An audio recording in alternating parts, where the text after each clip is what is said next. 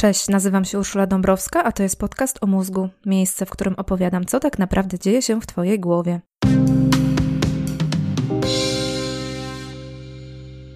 Na co dzień robisz to, co robisz, myślisz tak, jak myślisz i czujesz, co czujesz. Ale właściwie dlaczego tak, a nie inaczej? Uważam, że jest to pytanie zasadnicze. Hardware i software człowieka fascynują mnie od lat i chcę się tą fascynacją dzielić z Tobą. Dlatego właśnie umysł, mózg i różne aspekty psychiki to tematy kolejnych odcinków tego podcastu. Chciałabym Cię poprosić o polubienie strony Podcast o mózgu na Facebooku lub zapisanie się do newslettera na mojej stronie. A jeśli ten odcinek Ci się spodoba i zechcesz się odwdzięczyć, to kup mi kawę na Buy Coffee tu łamane na podcast o mózgu. Link do tej platformy znajdziesz na mojej stronie www.urszuladabrowska.pl. Tytuł tego odcinka brzmi Nie leć na autopilocie. No i od razu powiem Ci, że trochę się z Tobą droczę. Tak naprawdę z tym autopilotem wcale nie taka zła sprawa. Większą część tego odcinka spędzę na przekonywaniu Ciebie, że autopilot to świetny mechanizm, pod warunkiem, że jest dobrze zaprogramowany. No właśnie, to jest meritum sprawy. Autopilot, jak to autopilot, działa bez naszej wiedzy i naszego przyrodzenia. Więc kluczowe jest, żeby chociaż z grubsza realizował nasze cele, a nie kierował nas, gdzie go fantazja poniesie. Żeby działał na naszą korzyść, a nie wbrew naszym potrzebom albo wartościom. I tu robi się pod górkę, bo bez odpowiedniej świadomości i bez praktyki możemy stać się całkiem bezwolni wobec naszego autopilota. Ale jest i dobra wiadomość. Im bardziej zdajemy sobie sprawę z jego działania, tym łatwiej nam zauważać, gdy przejmuje stery. Gdy już zauważysz, kiedy to się dzieje, to A Możesz przejąć dowodzenie, choć uprzedzam, że to nie takie łatwe. B. Możesz próbować przeprogramować autopilota, ale to jest jeszcze trudniejsze. No, nie powiało optymizmem, przyznaję. To dlatego, że autopilot naprawdę jest mocarny. I właśnie od tej kwestii zacznę dziś odcinek. No i teraz pytanie, o co chodzi z tym autopilotem. Powiem Ci szczerze, że to nie jest naukowa kategoria, ale wpada w ucho, więc będę się jej trzymać bo od razu wiadomo o co chodzi. Przynajmniej z grubsza wiemy, co oznacza lot na autopilocie i przez analogię od razu czujemy, co oznacza życie na autopilocie, czyli działanie bez refleksji, automatyczne, rutynowe, bez głębszej analizy, odruchowe. Jak słyszysz, takich określeń jest dużo. Pewnie dlatego, że my naprawdę wiele czasu spędzamy w takim trybie. Dlaczego? Najprostsza odpowiedź brzmi, bo ewolucja to sknera. Znowu sięgam do ewolucji. To dlatego, bo jestem przekonana, że zasadnicza część tego, jak działamy, wynika właśnie z tego, jak ewoluowaliśmy. O ewolucji i naturze można mówić wiele, ale teraz podkreślam jej oszczędność. Przyroda wydaje się być bardzo rozrzutna, szczególnie na wiosnę i w pełni lata, gdy dociera do nas rozmach i bogactwo matki natury. Ale jednocześnie biologia i psychologia człowieka udowadniają, że natura stara się robić wszystko jak najmniejszym kosztem energetycznym – to się tyczy też żywych stworzeń, w tym człowieka. Głównym celem praktycznie każdego żywego stworzenia jest przetrwać, rozmnożyć się i przekazać geny dalej, wiadomo. Jeśli nie wiesz tego z lekcji biologii, to na pewno z podcastu o mózgu.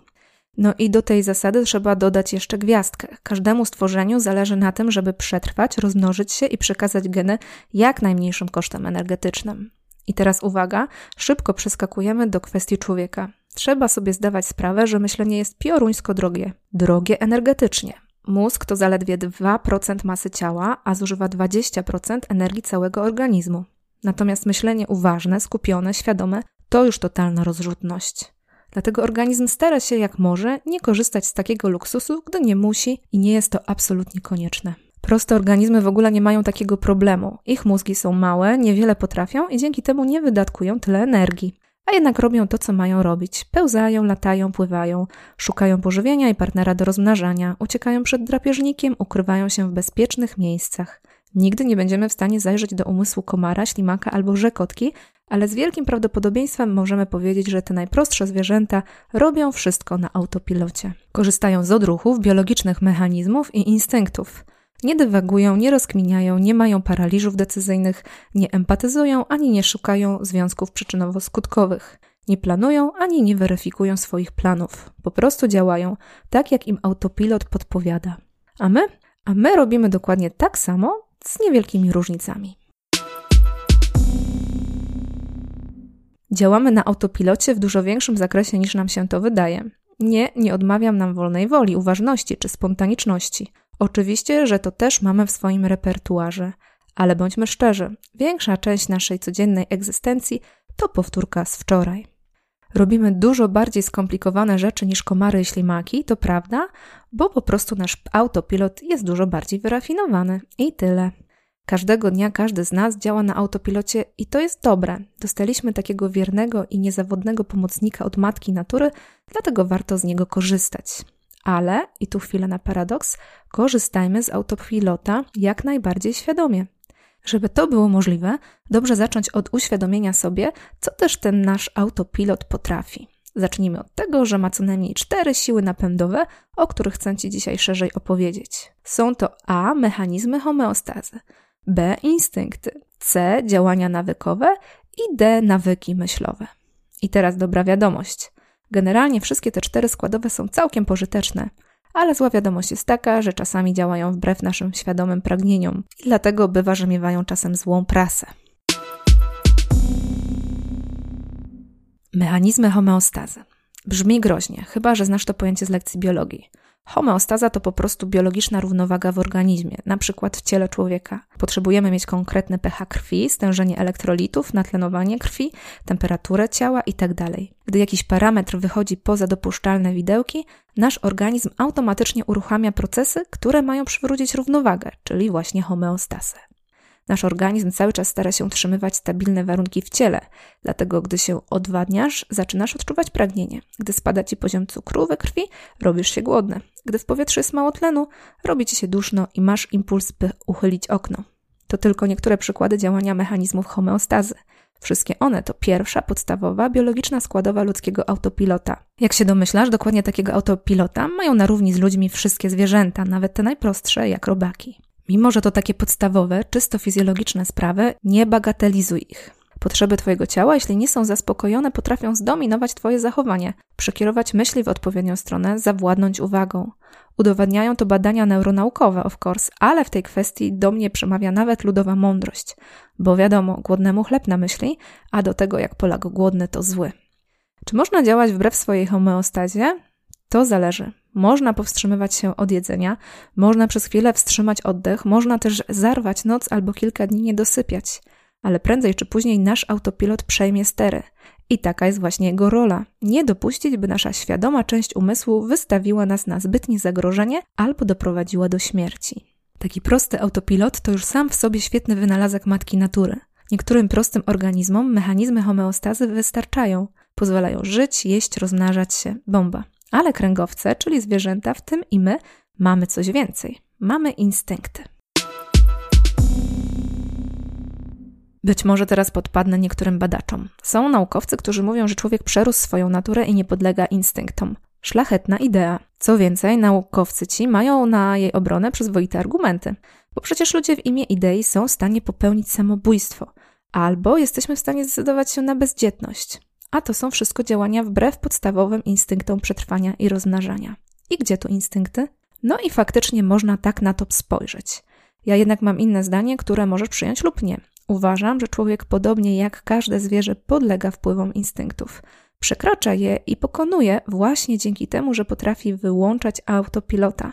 Potrafi być w pełni świadomi tego, co robi i mimo impulsów autopilota robić to, co uważa za stosowne, a nie to, co mu podpowiada natura i czasem robi to wręcz na swoją zgubę. Dodam, że takie siłowe wyłączanie autopilota jest ekstremalnie kosztowne energetycznie. Dlatego nie wszyscy są w stanie się na coś takiego zdobyć. Myślę, że to jest powód, dlaczego matka natura długo zwlekała z wynalezieniem świadomości. Myślę, że gdyby mogła, wolałaby się opierać jedynie na instynktach i homeostazie. Biologiczne bezpieczniki, odruchy i sprzężenia zwrotne są dużo bardziej bezpieczne, dużo bardziej niezawodne zostały wbudowane w ciało i mózg zwierząt na drodze ewolucji. To oznacza, że sprawdziły się dobrze we wszystkich poprzednich pokoleniach. Natomiast nasze osobiste, świadome pomysły są dość kapryśne i przypadkowe. Jasne, człowiek w ciągu życia potrafi coś tam sobie w głowie wykoncypować, ale to jest niczym wobec mądrości, którą ewolucja zbierała przez eony i zapisywała nam w genach. No i całe szczęście, że cały czas tę mądrość w sobie mamy. Część z niej to właśnie omawiane teraz przeze mnie instynkty, które są z kolei jedną z czterech sił napędowych naszego autopilota. Szerzej o instynktach opowiedziałam już w dwóch odcinkach pod tytułem Nagie instynkty. Tymczasem przypominam, że siedem podstawowych systemów motywacyjnych naszego działania to instynkt eksploracji, agresja, działanie napędzane strachem, pożądanie, instynkt opiekuńczy, przywiązanie do drugiej osoby, instynkt zabawy. Jak widzisz, te siedem instynktów oraz związane z nimi działania i emocje potrafią szczelnie wypełnić kalendarz. Jeśli twój autopilot zajmuje się ich realizacją, to raczej nie zostaje ci wiele czasu na inne sprawy. Trzecia składowa ludzkiego autopilota to nawyki, i to już jest wielkie osiągnięcie mózgu Homo sapiens, bo jak mózg żadnego innego zwierzęcia potrafi akumulować praktycznie nieskończoną liczbę skryptów działania. Począwszy od przepisu na to, jak wiązać sznurówki, po umiejętność publikowania artykułów zoptymalizowanych pod SEO.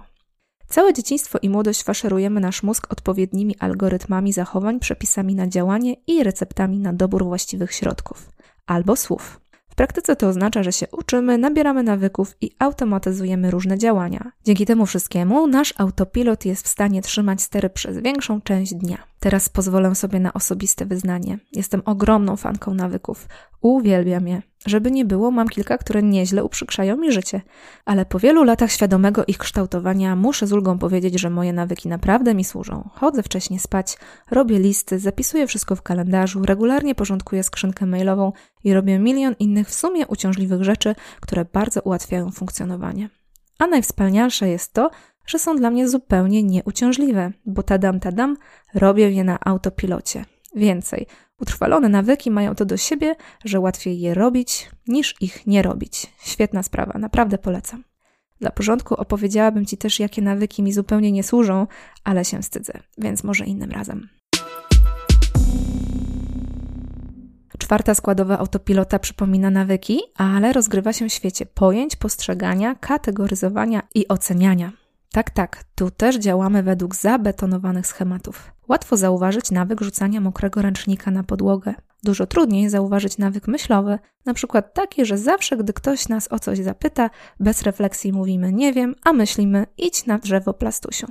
To tylko przykłady, ale takich odruchów mamy tysiące i z nich również korzysta autopilot. Czasem na naszą korzyść, a czasem wbrew nam. Niektóre nawyki myślowe są wspólne dla całego gatunku ludzkiego. To zazwyczaj uproszczenia, które stosuje mózg, żeby poradzić sobie z ogromem informacji albo niepewnością. Inne nawyki są Twoje i tylko Twoje, i to Ty musisz je wyśledzić samemu, sama. Już na etapie postrzegania rzeczywistości autopilot robi swoje. Kieruje naszą uwagę tam, gdzie uzna za stosowne. Po drugie, sam pada ofiarą błędów poznawczych. Po trzecie, nasze zmysły są przytłoczone zalewem bodźców i informacji, w związku z czym stosują filtry. A filtry mają to do siebie, że nie przepuszczają wszystkiego.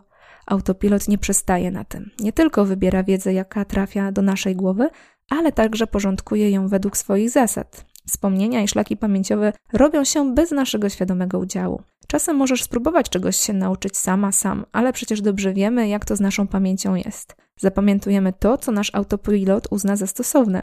Niekoniecznie musi być to dla nas pożyteczne. Łatwiej siadają nam slogany z reklam niż imiona i nazwiska. Dłużej siedzą nam w głowie memy niż nowe słówka z hiszpańskiego.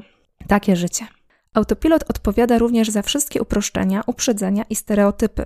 Uczciwie trzeba powiedzieć, że to naturalny sposób działania mózgu. Te trzy sposoby porządkowania wiedzy po prostu usprawniają myślenie o niezmiernie złożonym świecie. Uproszczenia, uprzedzenia i stereotypy usprawniają myślenie, ale przy okazji często je wypaczają. Autopilot w tym wypadku wybiera najkrótszą drogę, ale niekoniecznie najlepszą. Dobrze sobie z tego wszystkiego zdawać sprawę, bo dzięki temu zyskujemy większą kontrolę nad własnym myśleniem i zachowaniem.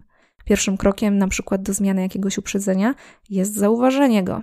Pierwszym krokiem, by takie uprzedzenie zauważyć, jest świadomość, że w ogóle może istnieć. W ostatnich akapitach użyłam dużo abstrakcyjnych słów, więc może pora na przykład. Wybiorę coś naprawdę banalnego, żeby nikogo nie zabolało. Ale pewnie sam sama domyślasz się, że uprzedzenia, uproszczenia i stereotypy mogą mieć duży ciężar gatunkowy i przez to być źródłem wielu problemów osobistych i interpersonalnych. Ale zostańmy przy jakimś banale. Powiedzmy, że nie przepadasz za kuchnią azjatycką. Mniejsza z tym, skąd ci się to nastawienie wzięło.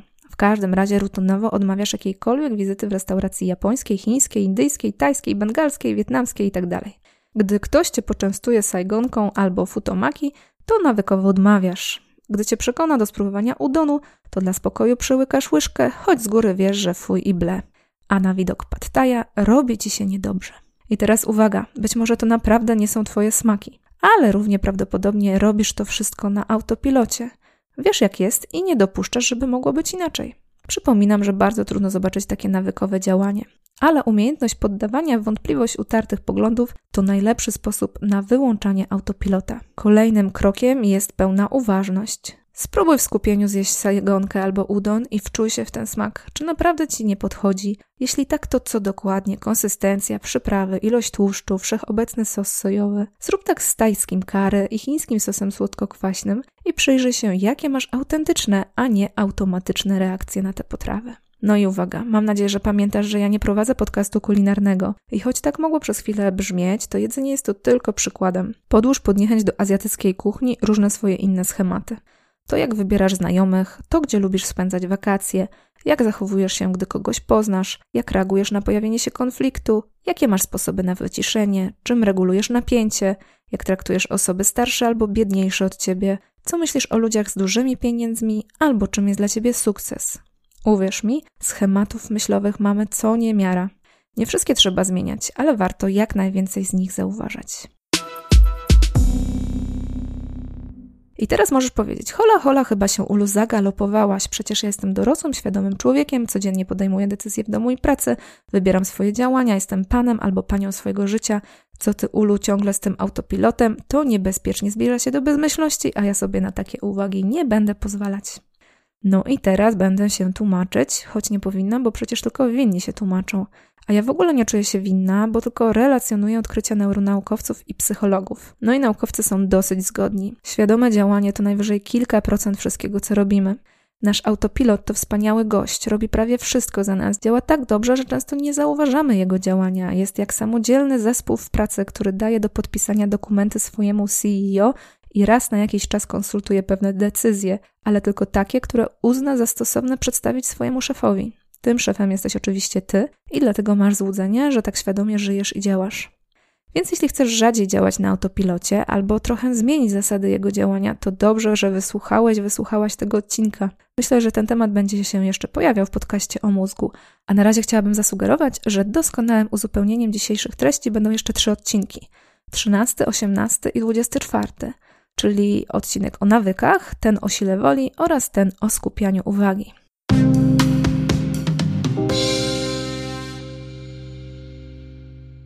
Dziękuję Ci za wysłuchanie tego odcinka. Więcej podobnych treści znajdziesz na stronie www.urszuladabrowska.pl. Polecam Ci również moją książkę Życie towarzyskie mózgu oraz pozostałe odcinki podcastu o mózgu dostępne na Spotify i w innych odtwarzaczach podcastów. Każdy odcinek, który publikuję jest w pełni autorski, również i ten przygotowałam z głębokiej potrzeby dzielenia się wiedzą o mózgu i biologicznych podstawach ludzkiej psychiki. Podcasty udostępniam w internecie za darmo, ale każde wynagrodzenie to dla mnie dodatkowy bodziec motywacyjny. Więc jeśli chcesz się odwdzięczyć, to kup mi kawę. Wystarczy, że wejdziesz na stronę Buy Coffee Tu, łamane na podcast o mózgu i bez jakiegokolwiek logowania zasponsorujesz mi espresso, cappuccino albo latte. Bezpośredni link do tej platformy znajdziesz też na stronie www.urszuladabrowska.pl.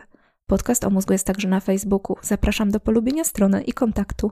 Tymczasem do usłyszenia. Dobrego dnia, dobrej nocy. Ula.